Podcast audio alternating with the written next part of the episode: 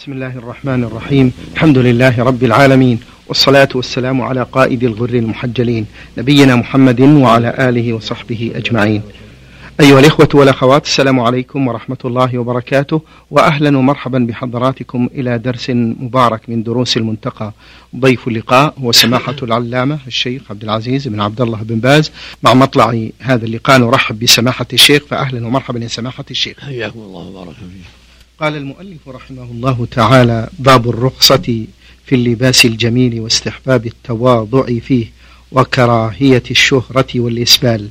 عن ابن مسعود قال قال رسول الله صلى الله عليه وسلم لا يدخل الجنة من كان في قلبه مثقال ذرة من كبر.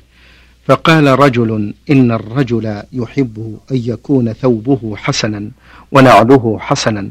قال إن الله جميل يحب الجمال. الكبر بطر الحق وغمس الناس. رواه أحمد ومسلم. وعن سهل بن معاذ الجهني عن أبيه عن رسول الله صلى الله عليه وسلم أنه قال من ترك أن يلبس صالح الثياب وهو يقدر عليه تواضعا لله عز وجل دعاه الله عز وجل على رؤوس الخلائق حتى يخيره في حلل الإيمان أيتهن شاء. رواه أحمد والترمذي. وعن ابن عمر قال قال رسول الله صلى الله عليه وسلم من لبس ثوب شهرة في الدنيا ألبسه الله ثوب مذلة يوم القيامة رواه أحمد وأبو داود وابن ماجه. وعن ابن عمر قال قال رسول الله صلى الله عليه وسلم من جر ثوبه خيلاء لم ينظر الله إليه يوم القيامة. فقال أبو بكر إن أحد شقي إزاري يسترخي إلا أن أتعاهد ذلك منه. فقال إنك لست ممن يفعل ذلك خيلا رواه الجماعة إلا أن مسلما وابن ماجه والترمذي لم يذكر لم يذكروا قصة أبي بكر. وعن ابن عمر عن النبي صلى الله عليه وسلم قال الإسبال في الإزار والقميص والعمائم من جر شيئا خيلاء لم ينظر الله إليه يوم القيامة. رواه أبو داود والنسائي وابن ماجه. وعن أبي هريرة عن النبي صلى الله عليه وآله وسلم قال لا ينظر الله إلى من جر إزاره بطرا. متفق عليه. ولأحمد والبخاري ما أسفل من الكعبين في من الإزار في النار. بسم الله الرحمن الرحيم. الحمد لله. وصلى الله وسلم على رسول الله وعلى آله وأصحابه ومن اهتدى بهداه. أما بعد هذه الأحاديث كلها تدل على وجوب التواضع وعدم التكبر وأن الواجب على المؤمن أن يتحرى في ملابسه وفي مشيته وفي جميع شؤونه التواضع وعدم التكبر وأن الجميل لا بأس به. يقول صلى الله عليه وسلم إن الله جميل يحب الجمال الكبر بطر الحق وأمط الناس أما لباس الجميل فلا بأس من باب شكر الله على نعمه وإظهار نعمة الله جل وعلا. ولهذا استحب للمؤمن أن يتزين في أيام العيد وأيام الجمع إظهارا لنعمة الله جل وعلا. لكن ليس له أن يلبس اللباس الذي يريد به الفخر والخيلاء أو يريد به التكبر على الناس أو يريد به الشهرة. كل هذا يجب اجتنابه. فلا ينبغي المؤمن أن يتعاطى ملابس الشهرة التي يريد أن يشتهر بين الناس خلاف جماعته وخلاف أهل بلده أو يلبس ثياب يريد بها التكبر والتعاظم على الناس والخيلاء كل هذا لا يجوز. أما لباس جميل يلبس لباس جميل مما يعتاده الناس ليس ليس من قصده فيه الخيلاء وليس من قصده الشهرة وإنما قصده أن يظهر نعمة الله عليه. والله يحب إظهار نعمته سبحانه وتعالى. ولهذا لما قيل له يا رسول الله الرجل يحب أن يكون ثوبه حسنا ونعله حسنا أفادك من الكبر؟ قال صلى الله عليه وسلم الكبر بطر الحق يعني رد الحق وغمض الناس يعني احتقار الناس. إن الله جميل يحب الجمال. فدل ذلك على أن لباس الجمال لا بأس به وليس من الكبر وليس من التكبر وليس من غمط الناس. فالواجب على المؤمن والمؤمنة أن يتحرى كل منهما اللباس المعتاد. الذي ليس فيه إظهار للشهرة أو ليس فيه أو, أو التكبر ولكن يلبس اللباس العادي الجميل الذي يلبسه أمثاله. وعليه يحذر الكبر. فالتكبر منكر عظيم. يقول صلى الله عليه وسلم لا يدخل الجنة من كان في قبله من, كان في قلبه مثقال حبة خردل من كبر. ويقول صلى الله عليه وسلم الكبر بطر الحق. يعني رد الحق وغمض الناس يعني احتقار الناس.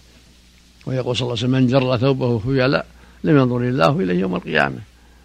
أما إذا كان ذلك من غير خيلاء بل إظهار للزينة وإظهار الجمال وإشكرا لله على نعمته فلا بأس بذلك بشرط الا يكون ذلك من باب ثياب الشهرة. ويقول صلى الله عليه وسلم ما أسفل من الكعبين من الإزار فهو في النار. فلا يجوز الإسبال مطلقا. لكن إذا كان مع الكبر صار الإثم أعظم. وأما إذا كان من غير كبر فالإثم أقل. وإن كان محرما. ولهذا قال صلى الله عليه وسلم ما أسفل من الكعبين من الإزار فهو في النار. وقال صلى الله عليه وسلم ثلاث لا يكلمهم الله يوم القيامة ولا ينظر إليهم ولا يزكيهم ولهم عذاب أليم. المسبل إزارة. والمنان فيما أعطى والمنفق سرعته بالحلف الكاذب. فدل على تحريم الإسبال ولكنه مع الخيلاء والكبر يكون الإثم أكبر. نسأل الله للجميع العافية والسلامة. نعم. جزاكم الله خير. سماحة الشيخ يعتقد بعض الناس أن لبس العمامة من السنة؟ لا هذه أمور عادية. يلبس لباس جماعته لباس بلده. لأنه إذا لبس عمامة ملابس صار شهرة صار مما يذم عليه. ولكن يلبس لباس أمثاله لأن العمامة والإزار والقميص والرداء كلها ملابس عادية. كلها يلبس الإنسان ملابس قومة. حفظكم الله اجتهاد بعض العوام في تحريم ما أحل الله من الملبوسات والمركوبات الحديثة. كيف ننصح مثل هؤلاء سماحة الشيخ؟ ينصحوا بأن الملابس والمراكب أمور عادية لا يجوز تحريمها. كالإنسان لما حدث السيارات ركب السيارة لما حدث الطائرة ركب الطائرة. هكذا البواخر الجديدة وما أشبه ذلك. هذه أمور عادية. لا بأس بها. من الملابس والمراكب لا بأس بها. إلا ما حرم الله. كونه يلبس حرير وهو رجل يلبس الذهب وهو رجل لا يجوز. كذلك يركب سيارة مغصوبة ناقة مغصوبة لا يجوز. المقصود يتجنب ما حرم الله ولا بأس. أما المراكب العادية والملابس العادية لا بأس بها. حفظكم الله. سماحة الشيخ كيف يزن المسلم نفسه بميزان الشرع؟ يحاسب نفسه حتى لا يفعل ولا يقول إلا ما وافق الشرع. يحذر أن يقول ما حرم الله أو يفعل ما حرم الله. على المسلم أن يحاسب نفسه دائما دائما حتى يتقي الحرام في قوله وعمله.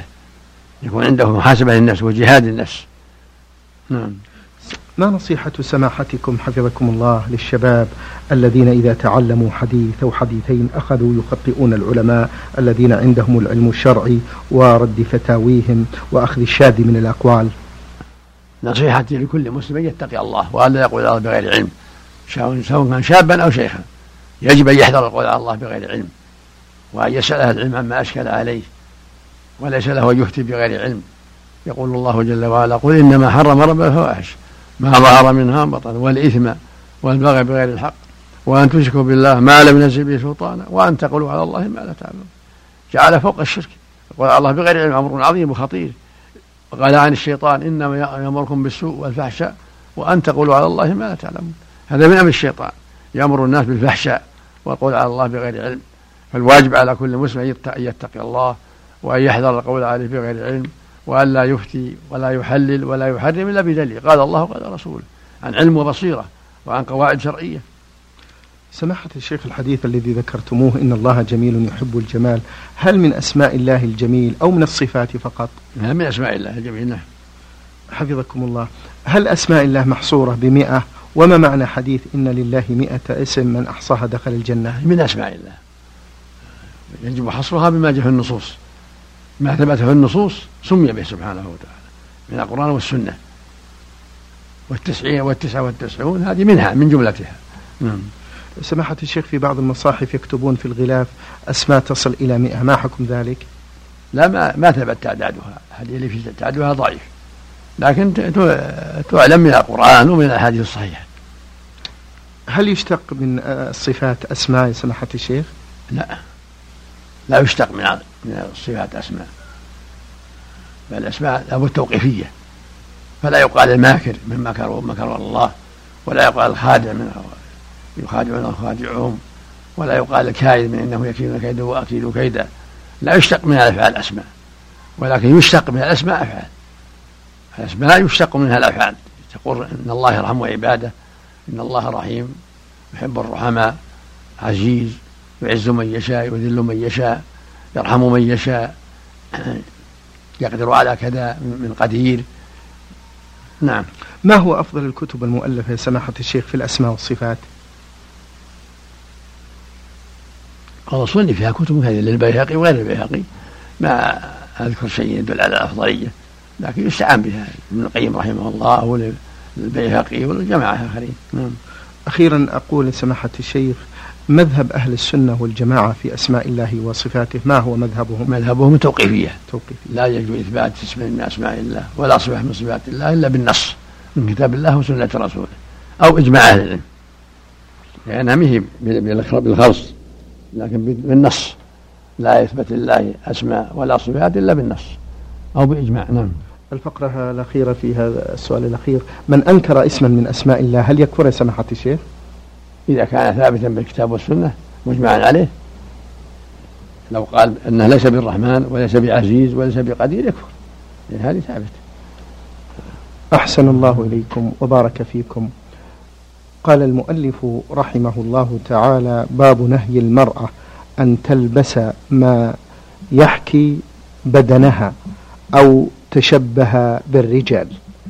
عن أسامة بن زيد قال كساني رسول الله صلى الله عليه وآله وسلم قبطية كثيفة كانت مما أهدى له دحية الكلبي فكسوتها امرأتي فقال مرها أن تجعل مرها أن تجعل أن تجعل تحتها غلالة فإني أخاف أن تصف حجم عظامها فإني أخاف أن تصف حجم عظامها رواه أحمد. وعن أم سلمة أن النبي صلى الله عليه وسلم دخل عليها وهي تختمر فقال ليتا لا ليتين. وعن أبي هريرة قال قال رسول الله صلى الله عليه وسلم صنفان من أهل النار لم أرهما بعد نساء كاسيات عاريات مائلات مميلات على رؤوسهن أمثال أسنمة البخت المائلة لا يرين الجنة ولا يجدن ريحها ورجال معهم سياط كأذناب البقر يضربون بها الناس رواه أحمد ومسلم. وعن أبي هريرة أن النبي صلى الله عليه وسلم لعن الرجل يلبس لبس المرأة والمرأة تلبس لبس الرجل رواه أحمد وأبو داود. هذه الأحاديث كلها تدل على وجوب التستر وأن الواجب على المرأة أن تلبس اللباس الساتر الذي يسترها عن الرجال في بدنها وأنه لا يجوز لها التشبه بالرجال بل تعتني باللباس الساتر الذي يستر بدنها وحجم أعضائها لأنها فتنة. ولا يجوز لها أن تلبس الرقيق أو القصير الذي يكشف بعض أعضائها لقوله صلى الله عليه وسلم صنفان من أهل النار لم أرهما بعد. نساء كاسيات عاريات مائلات مميلات كاسيات في الاسم. عاريات في الحقيقة إما للرقة وإما لقصرها. مائلات عن الحق مميلات لغيرهن عن الحق. هذا فيه وعيد الشديد وأن الواجب على المرأة أن تلبس لباسا ساترا كافيا بعيدا عن إظهار المحاسن وأسباب الفتنة. وأن تحذر الدعوة إلى الباطل والميل إلى الباطل بل تكون بعيدة عن الباطل وعفيفة. وبعيدة أن تدعو غيرها للباطل وكذلك رجال بأيديهم سياط هؤلاء هم الذين يضربون الناس ظلما. الواجب على المؤمن أن يحذر ظلم إخوانه. لا بالسياط ولا بغير السياط الواجب على المؤمن ألا يضرب أحدا إلا بحق. وعلى المرأة في سترها وجه رأسها وسترها بدنها أن تحرى الستر الكافي الذي يسرها عن الرجال ويبعدها عن الفتنة. وفق الله الجميع. نعم. اللهم آمين. جزاكم الله خير. كلمة مائلات ومميلات يا سماحه الشيخ؟ يعني مائلات عن الحق إلى نعم. الفاحشة والشر. مميلات لغيرهن نسأل الله العافية. ما حكم قص المرأة لرأسها يا شيخ؟ القصد لا يجوز لأنه من القزع لكن إذا كان طويل وأحبت تأخذ من أطراف الشيء؟ يروى ثبت على أزواج النبي أنهن أخذن من رؤوسهن بعد موته صلى الله عليه وسلم لطولها من بعض أزواجه لا بأس إذا أخذ من طولها لأجل الراحة من التكلف. إذا كانت طويلة وأخذ من من أطراف الرؤوس لا بأس. أما القص من المقدم أو من المؤخر أو التشبه بالرجال أو بالكفار كل هذا لا يجوز. سماحة الشيخ وجد قصات كثيرة في زماننا هذا عند بعض النساء. ما نصيحتكم وتوجيهكم للأخوات؟ حفظكم الله. الواجب عليهن أن يحذرن ذلك وأن يبقين الرؤوس على حالها لأنها جمال. الرؤوس جمال المرأة. لكن إذا كان طويل جدا يشق عليه ويتعبها وأخذت وأحبت أن تأخذ أطرافه حتى يخف عليها تعب فلا بأس. أما أن تقص مقدم أو بعض الشيء تخلي بعض الشيء تشبه بالرجال أو بالكفار فلا يجوز. أحسن الله إليكم وبارك فيكم. قال المؤلف رحمه الله تعالى باب التيامن في اللبس وما يقوله من من استجد ثوبا. عن أبي هريرة رضي الله عنه قال كان رسول الله صلى الله عليه وسلم إذا لبس قميصا بدأ بميامنه وعن أبي سعيد قال كان رسول الله صلى الله عليه وسلم إذا استجد ثوبا سماه باسمه عمامة أو قميصا أو رداء ثم يقول اللهم لك الحمد أنت كسوتنيه أسألك خيره وخير ما صنع له وأعوذ بك من شره وشر ما صنع له. رواهما الترمذي. يسحب المؤمن في جميع لباسه يتحرى القصد وعدم التكلف كما تقدم و ويستحب له إذا سجد ثوبا أن يحمد الله ويشكره. اللهم لك الحمد أنت كسوتني ثوب أو بشت أو نحوه. اللهم لك الحمد أنت كسوتني. أسألك خيره وخير ما صنع له. وأعوذ من شره وشر ما صنع له. ويستحب له يبدأ باليمين. إذا لبس القميص يبدأ باليمين. كمه الأيمن أو البشت. إذا حب يدخل يديه يدخل يده اليمنى قبل. التيامن في في ملابسه النبي كان يعجبه التيامن في تنعله وترجله وطهوره وفي شأنه كله.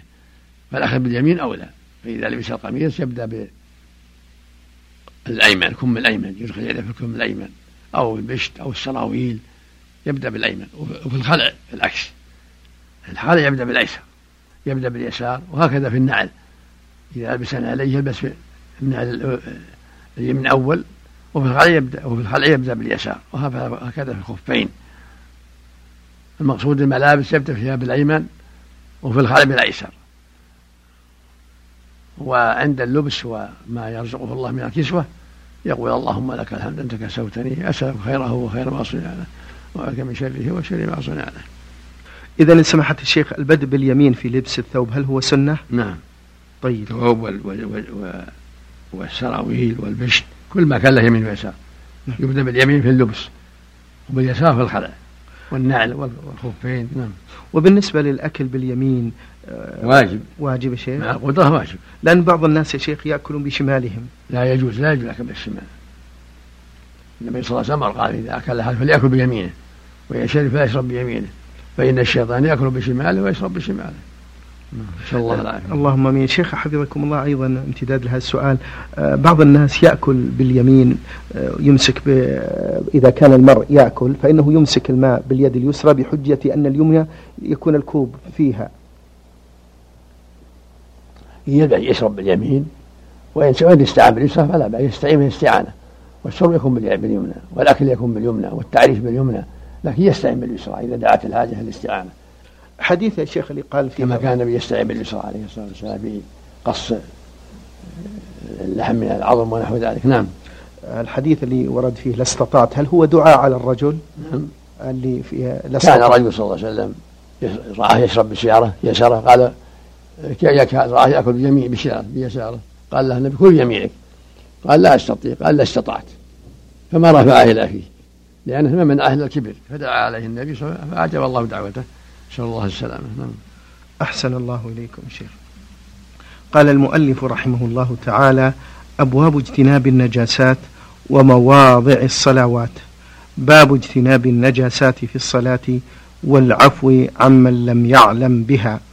عن جابر بن سمرة قال سمعت رجلا سأل النبي صلى الله عليه وسلم أصلي في الثوب الذي آتي فيه أهلي؟ قال نعم. قال نعم. إلا أن ترى فيه شيئا فتغسله رواه أحمد وابن ماجه. وعن معاوية قال قلت لأم حبيبة هل كان النبي صلى الله عليه وسلم يصلي في الثوب الذي يجامع فيه؟ قال نعم إذا لم يكن فيه أذى. رواه الخمسة إلا الترمذي. وعن أبي سعيد عن النبي صلى الله عليه وسلم أنه صلى فخلع نعليه. فخلع الناس نعالهم. فلما انصرف قال لم خلعتم؟ قالوا رأيناك خلعت فخلعنا. فقال إن جبريل أتاني فأخبرني أن بهما خبثا فإذا جاء أحدكم المسجد فليقلب عليه ولينظر فيهما فإن رأى خبثا فليمسحه بالأرض ثم ليصلي فيهما. رواه أحمد وأبو داود. هذا يدل على وجوب اجتناب النجاسات. هذا أمر واجب لا بد منه والأدلة على هذا كثيرة. فالواجب على المؤمن في صلاته اجتناب النجاسة في ثوبه وفي بدنه وفي مصلاه. لا يصلي على أرض نجسة ولا في ثوب نجس ولا في بدن نجس والثوب الذي يأتي فيه أهله لا بأس به يصلي فيه إذا لم يكن به أذى. الثوب الذي يجامع أهله فيه لا يضر. ولو أصابه مني يفركه أو يغسله والحمد لله. وهكذا اللحاف هكذا الفراش اللي ينام عليه إذا كان طاهر له أن يصلي عليه إلا أن يصيبه أذى. وهذا عام في ملابسه وفي فراشه وفي لحافه وفي غير ذلك. ولهذا لما صلى ذات يوم صلى الله عليه وسلم في نعليه أخبره جبريل أن جبرائيل بهما أذى فخلعهما فخلع الناس نعالهم. فلما سلم سألهم فقال رأيناك خلعتني عليك فخلعني عليك فقال إن جبرائيل أخبرني بهما أذى. فإذا أتى المسجد فينظر في عليه. فإن رأى فيهما خبثا فليمسحه ثم يصلي فيهما. هذا يدل أن الإنسان إذا جاء المسجد يتفقد عليه أو خفيه. فإن كان فيه ماء يمسحه من خارج. حتى يزول الأذى. ويدل الحديث على أنه لو صلى وهو لا يعلم أن به نجاسة وانتبه في أثناء الصلاة أنه يزيل اللي فيه النجاسة. كالخف والنعل والغترة ونحو البشت فإذا علم به نجاسة خلع الخف أو خلع النعل أو خلع الغترة أو خلع البشت ولا حرج ويصلي يتم صلاته. فإذا لم يعلم إلا بعد الصلاة صلاته صحيحة. إذا لم يعلم أن في ثوبه نجاسة أو بشته نجاسة إلا بعد الصلاة فصلاته صحيحة. كما لو نسي كما لو صلى ناسيا أن في ثوبه نجاسة أو بشته نجاسة فلم يذكر إلا بعد الصلاة صلاته صحيحة. لأن النبي صلى الله عليه وسلم لم يعيد أول الصلاة لما أخبره جبريل بأن بها أبدا خلعهما ولم يعيد أول الصلاة لأنه جاهل بالواقع. فدل على أن الجاهل لا يعيد والناس مثله من باب أولى. لقوله تعالى وثيابك فطهر ما معناه سماحة الشيخ؟ المعروف عند العلماء أعماله لأنها كانت في في مكة قبل فرض الصلاة فالمراد طهر أعمالها عن الشرك. ومن هذا المعنى كذلك تطهير الثياب من النجاسة من حيث عموم اللفظ وإلا فالمصاد الملابس كما قال تعالى ولباس التقوى ذلك خير. فإن الأعمال تسمى لباسا تسمى ثيابا. فالمعنى طهرها من الشرك طهر أعمالك من الشرك. يبقى شيخ حفظكم الله الشيخ عبد العزيز المدي إذا أصاب الثوب ما حكمه؟ والمني هل يجب غسله؟ المدي نجس يغسل المدي إذا أصاب الثوب يغسل. وأما المني هو طاهر. إن غسله فهو أفضل وإن حكه وهو يابس كفى. وإن غسله النبي صلى الله عليه وسلم ربما فركه ربما غسله عليه الصلاة والسلام. وبالنسبة سماحة الشيخ عن حكم الصلاة في النعلين في وقتنا الحاضر إن صلى فيهما وهو نظيفتان فلا بأس. وإن خلعهما لئلا يقدر الفرش فلعله حسن إن شاء الله. لأن بعض الناس قد يتساهل فتقدر الفرش والمساجد فيها فرش. أما لو لاحظ عليه وصلى فيهما فلا بأس. قال المؤلف رحمه الله تعالى باب حمل المحدث والمستجمر في الصلاة وثياب الصغار وما شك في نجاسته.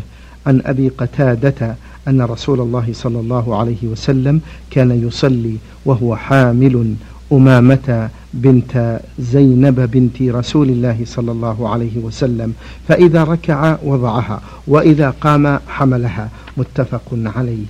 وعن أبي هريرة رضي الله عنه قال كنا نصلي مع النبي صلى الله عليه وسلم العشاء فإذا سجد وثب الحسن والحسين على ظهره فإذا رفع رأسه أخذهما من خلفه أخذا رفيقا ويضعهما على الأرض فإذا عاد عاد حتى قضى صلاته ثم أقعد أحدهما على فخذيه. قال فقمت إليه فقلت يا رسول الله أردهما؟ فبرقت برقة فقال لهما الحقا بأمكما فمكث ضوءها حتى دخل رواه أحمد. وعن عائشة قالت كان النبي صلى الله عليه وسلم يصلي من الليل وأنا إلى جانبه وأنا حائض وعلي مرط وعليه بعضه رواه مسلم وأبو داود وابن ماجه. وعن عائشة قالت كان النبي صلى الله عليه وسلم لا يصلي في شعورنا ورواه أحمد وأبو داود والترمذي وصححه ولفظه لا يصلي في لحف نسائه. الجمع بين النصوص في هذا أن اللحوف السليمة لا بأس بها والفرش السليمة لا بأس بها. وأما التي تركها فهي التي قد يكون فيها شيء من النجاسة من مذي أو غيره يعني قد يصيب الفراش مذي قد يصيب اللحاف كذلك. فالفرش واللحف التي لم يصبها نجاسة لا بأس أن يصلي فيها كما كان النبي يصلي عليه الصلاة والسلام فيها. وكذلك حمل الصغير يكون يصلي به الأصل الطهارة إلا يعلم نجاسته لا يحمله وإلا فالأصل الطهارة. كما حمل أمامه وصلى بها فإذا سجد وضعها وإذا قام حملها وهي صغيرة. وكما كان الحسن يركب ربما إذا سجد ركب على ظهره. كل هذا يدل على أن الأصل الطهارة حتى يعلم النجاسة. نعم. شكر الله لكم سماحة الشيخ وبارك الله فيكم وفي علمكم ونفع بكم الإسلام والمسلمين. أيها الإخوة والأخوات كان معنا في برنامج شرح كتاب المنتقى سماحة الشيخ عبد العزيز بن عبد الله بن باز. شكر الله لسماحة الشيخ على ما بين لنا. وفي الختام تقبلوا تحيات الزملاء من الإذاعة الخارجية فهد العثمان ومن هندسة الصوت سعد عبد العزيز خميس. والسلام عليكم ورحمة الله وبركاته.